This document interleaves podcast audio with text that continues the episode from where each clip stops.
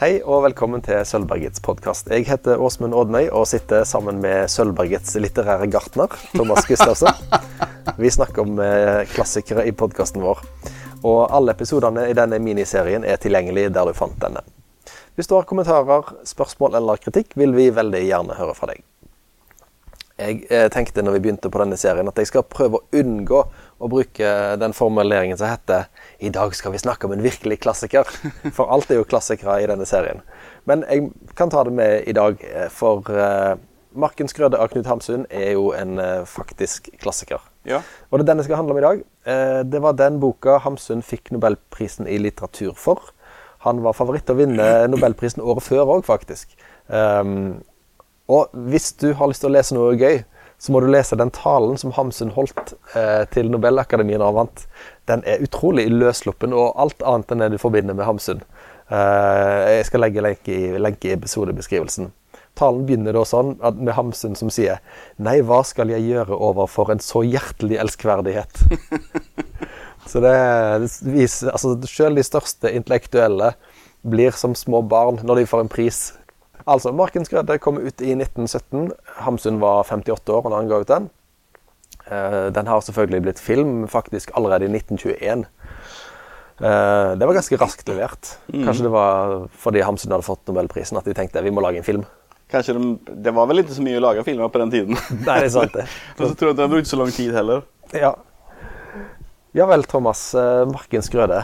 Ja, Knut Hamsun sine mest, to mest kjente bøker er jo 'Sult' dette påstår jeg, det er 'Sult' fra 1890, som er om en, en ensom, desperat, eh, nærmest gal fyr som mm. går rundt i Oslo. Eh, og så kommer vi da til 1917. Da er det det helt motsatte. Da er det en, eh, en fyr som lever i pakt med naturen, mm. tett på naturen, eh, langt ute i gokk. Det er ikke mye urbanitet der. Så det har skjedd veldig mye, virker det som for meg, fra Sult 1890 til Markens grøde i 1917. Eh, ja. Hva men først av alt, hva er det som skjer i Markens Grøde, Thomas? Ja. Eh, Markens Grøde er på en måte en sånn eh, et manifest mot eh, eh, sivilisasjonen, kan man si. For eh, historien er jo han Isak Sellanrå. han bare, du bare møter ham når du kommer vandrende. Han kommer vandrende i skogen langt oppe i nord. Det er helt tomt. Liksom. Det, det er ingen som bor der. Og så velger han seg et sted, og så bygger han et hus der. Og så liksom har han valgt et bra sted. med Det er vann der, og det er gress og det er, ja, Han velger et bra sted. Og så en, et, Jeg vet ikke hvor lenge etterpå, men så kommer det en dame vandrende. Som uh, bare blir der, liksom. Først er hun som sånn uh, Hva heter det? Uh, pike? Hva heter det? Ja, tjenestejente, ja, eller? Ja, og så, og så de sammen, blir de sammen, og så får de barnelag og sånn. Og så det, En av de sentrale tingene i boken er at hun har sånn hareskår, hun eh, er damen. Eh, og hun får til slutt et barn som også har hareskår, som hun dreper. Hun dreper det barnet. Og det får hun fengsel for. Og så når hun kommer tilbake da, etter å ha tjent fengselsstraffen, så er hun annerledes og liksom blir ødelagt av byen. på en måte fengselet og byen. da. Noen vil jo kanskje si at du er litt ødelagt hvis du dreper barnet ditt, men det er byen som er skurken her. Ja, det er byen som er skurken. Det er, det er helt klart. Ja. okay. og så får han også en uh, Han får, får flere barn, da. Og så en, uh, en av sønnene blir også ødelagt av byen og går med spasersokk og sånne greier. Og han kan ikke, han kan ikke grave hull og sånn som de andre kan. så ja. um, hmm.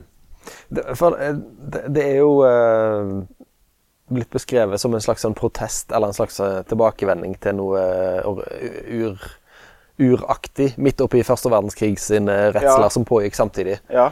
Eh, tenk, er det noe du tenkte på når du leste den? Ja, altså, det, det som er interessant, sier jeg om meg selv, det er at når jeg leste denne boken første gangen, så var jeg vel eh, typ 24, kanskje, eller sånt, og elska den. Og så leste jeg den igjen for et år siden eller to, og da, og da elsket jeg den også men på en annen måte. Og eh, jeg inte, når jeg leste den første gangen så var jeg jo ikke klar over hva det var for en bok. på en måte, For jeg, eh, Hamsun er jo ikke like kjent i Sverige som, eh, som her, selv om han er jo kjent, selvfølgelig. Men det, det er ikke like inn med morsmelken, kanskje. Men jeg bare si det også, at eh, jeg ble ikke så overraska eh, at Hamsun hadde sånn oppsluppen tale, egentlig. For tonen i denne boken eh, er veldig sånn det, det er en sykt irriterende fortellerstemme som er med i boken, og som forteller deg hva du skal, hva du skal tenke hele veien. Så, han, det, så normale så romaner så er det oftest en ganske anonym forteller, på en måte. Men her er fortelleren til stede og roper med utropstegn og, og sånn. Så jeg, jeg tenker at han eh, Hamsun hadde noen sånn fjasete sider som ikke kommer så ofte fram. Så jeg ble sånn kjempeoverraska over at han hadde en sånn tale. Og Det er jo interessant du sier, for jeg har ikke lest så mye Hamsun, men det jeg har lest, og det jeg har lest om Hamsun, så får jeg inntrykk av at eh, det er liksom det, det gåtefulle som er det sentrale ved Hamsun. Du vet ikke helt hvorfor folk holder på sånn som de gjør. Sant? I Pan og mysterier. Ja. Det er jo rare typer som, Ja. som ikke lar seg forklare. Mens du sier at Markens Grøde, så er det liksom sånn budskapet blir dunka inn. Ja, altså Og han fyren, eh, Isak Sellan, han er jo eh, på en måte en klisjé, da. Altså han, han er jo den ultimate mannen, klisjeen. Så eh, til eksempel når, eh, når hun Inger, tror hun heter, fruen, hun kommer tilbake fra fengselet. Så hun var borte lenge, da. Og så kommer hun tilbake, og så Når han ser henne Han, skal, han møter henne liksom med eh, hest og vagn, da. Og så når, når de møtes, da, så blir han så glad.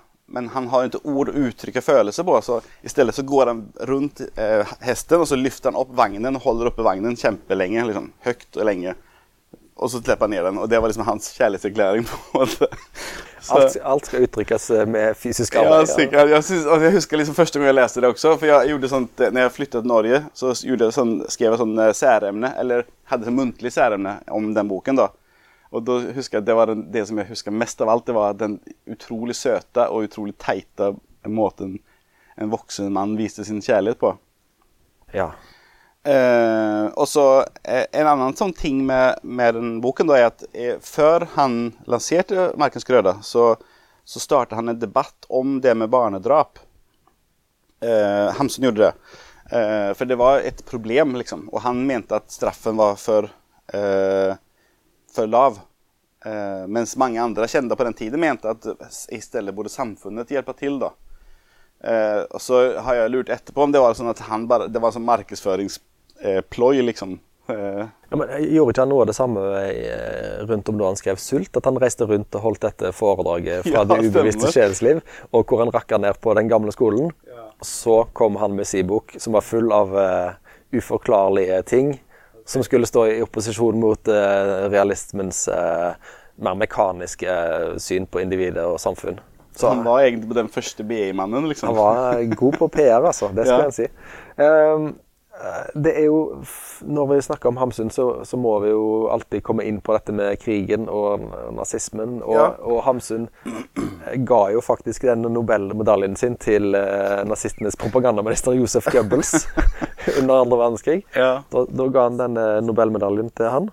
Jeg tror ikke de har funnet den igjen. Jeg tror ikke de vet helt hvor han ble av. Den smelta ned et sted, sikkert. Ligger inn mange meter under bakken et eller annet sted, kanskje. Blitt til, til gulltenner hos noen. Men er det altså, En skal jo ikke lese alt uh, i et forfatterskap inn mot, uh, mot personen som har skrevet det, men hvor Ser du noen spor av den uh, nazistsympatien Hamsun fikk senere i 'Markens grøde'? Alltså, jag, jag är kanske inte den, den sortens läsare. Jag är inte en litteraturvitare liksom. Så jag, eh, jag ser inte efter, eh, egentligen efter långa linjer och sånt. Men det som jag har läst om och som jag ser är på en måte att han, han hatar engelsmännen fordi industrialismen var deras fel. Och så eh, dyrkar han det germanska då, liksom med Tyskland och det med sin småindustri och bla bla bla. Så det er noen ting der. Og de, noen sier at det var derfor det ble, gikk skeis, men det er jo en veldig tunn unnskyldning, på en måte. Og jeg har alltid tenkt at, at han ikke var så veldig nazist, liksom. Det tror jeg du tar feil. Ja, så, men jeg, jeg har forstått det etter hvert, da, liksom. Men, eh, men når jeg leste Hamsuns, alle hans bøker, det var jo i den tiden, og da da var jeg fortfarande okunnig nok til at, inte, at det gikk ikke inn på meg alls. Og så har man forstått mer og mer etter hvert da. Eh, At det kanskje var verre enn hva jeg hadde håpet.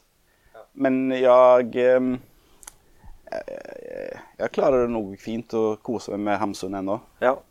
Men eh, hvis vi skal oppsummere, da. Hva er, hva er det som gjør 'Markens grøde' til en klassiker? Det er en sånn, det, en sånn der evig debatt på en måte med hva, hva, hva er det som er viktig i livet. Er det, er det liksom eh, materielle ting og goder, eller er det liksom familie og Altså, eh, det er sånne klassiske spørsmål. Og så er det er en, bare en utrolig bra skrevet bok. Du, du får jo eh, Selv om den er litt overtydelig visse ganger, da, så, så er den du, du, liker de her menneskene, og du syns litt synd på dem, og du ønsker at det kunne vært annerledes. Og samtidig så Så eh, Altså, det er jo en nobelpristaker pleier jo å være relativt flinke på å skrive, og han er bare utrolig flink. Um, og så har han en sånn Dette er en ultrarealistisk bok, liksom.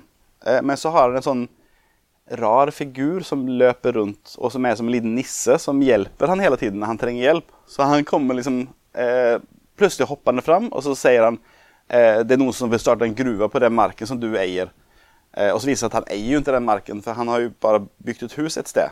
Så da hjelper han ham først å kjøpe marken, og så når de kommer og skal bygge en sånn gruve der, så eier han den, og da blir han kjemperik av det. Og så hele tiden det blir sånn, sånn at det er også han som får ut uh, fruen ur fengselet. Og han, han heter Geiser, tror jeg.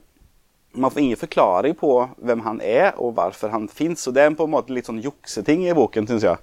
Men det, det, det er han som driver mye av det framåt, og det gjør det også sånn Det er uventa.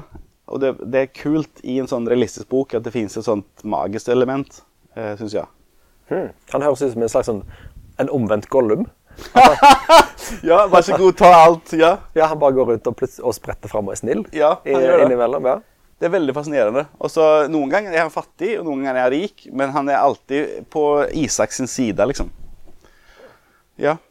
Eh, det, det er bare en, en, fin lesing. Og ja, eh, den, som siste ting jeg kan si, er at uh, den er litt irriterende i begynnelsen. På, mye pga. den der skrikingen til fortellerstemmen og sånn. Men den, han, fortellerstemmen roer seg litt etter hvert, og så i tillegg så venner man seg til måten den er laget på. Men overlag syns jeg det er en bok som alle kan lese. Den er veldig fin.